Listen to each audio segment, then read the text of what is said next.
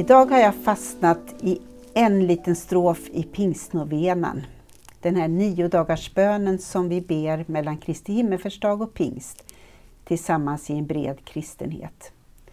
Där ber vi bland annat om nåden att leva efter Kristi vilja. Vad är det då det? Vad är Kristi vilja? Jag kom att tänka på hur det var för några år sedan när mina barn var tonåringar och det runt deras handleder fanns ett tygband där det stod WWJD. What would Jesus do? Vad skulle Jesus göra? Det är en bra fråga. Vad skulle Jesus göra?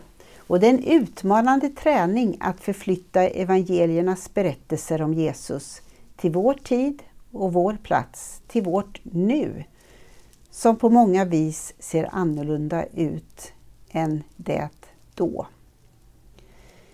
Men som jag förstår Jesus lever han med en exceptionell förmåga att räta människors ryggar. Och särskilt deras som av någon anledning hade vant sig att leva lite krökta, förtryckta och märkta av utanförskap. Det var som att Jesus gick över samhällets osynliga och synliga gränser och sökte efter den som behövde. På den tiden kunde det handla om spetälska, kvinnor, barn, den som hade ett tvivelaktigt yrke.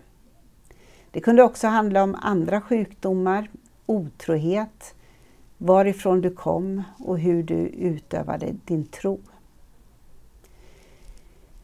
Jesus mötte var och en där hon var i sitt liv och uppmuntrade till förändring. Ingen var för smutsig, ingen var för tokig, ingen var för fel.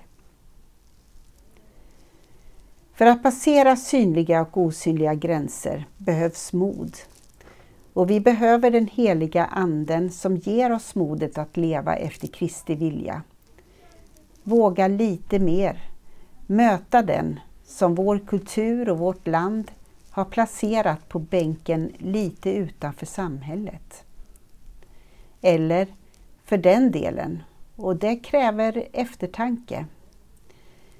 Den som vår kyrka, eller som kyrkan, har placerat utanför kyrkan. Jesus gick hela tiden utanför, som den människofiskare han uppmanade lärjungarna att vara. Han passerade gränser och han upprättade människor. Vi ber Kom heliga Ande, godhetens och sanningens ande och fyll våra hjärtan med din kärleks eld.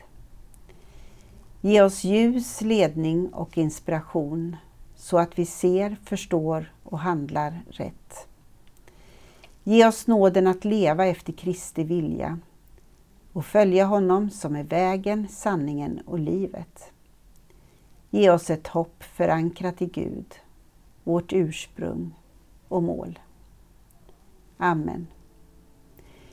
Gud välsignar dig och din dag och jag hoppas du har mod att passera någon gräns idag.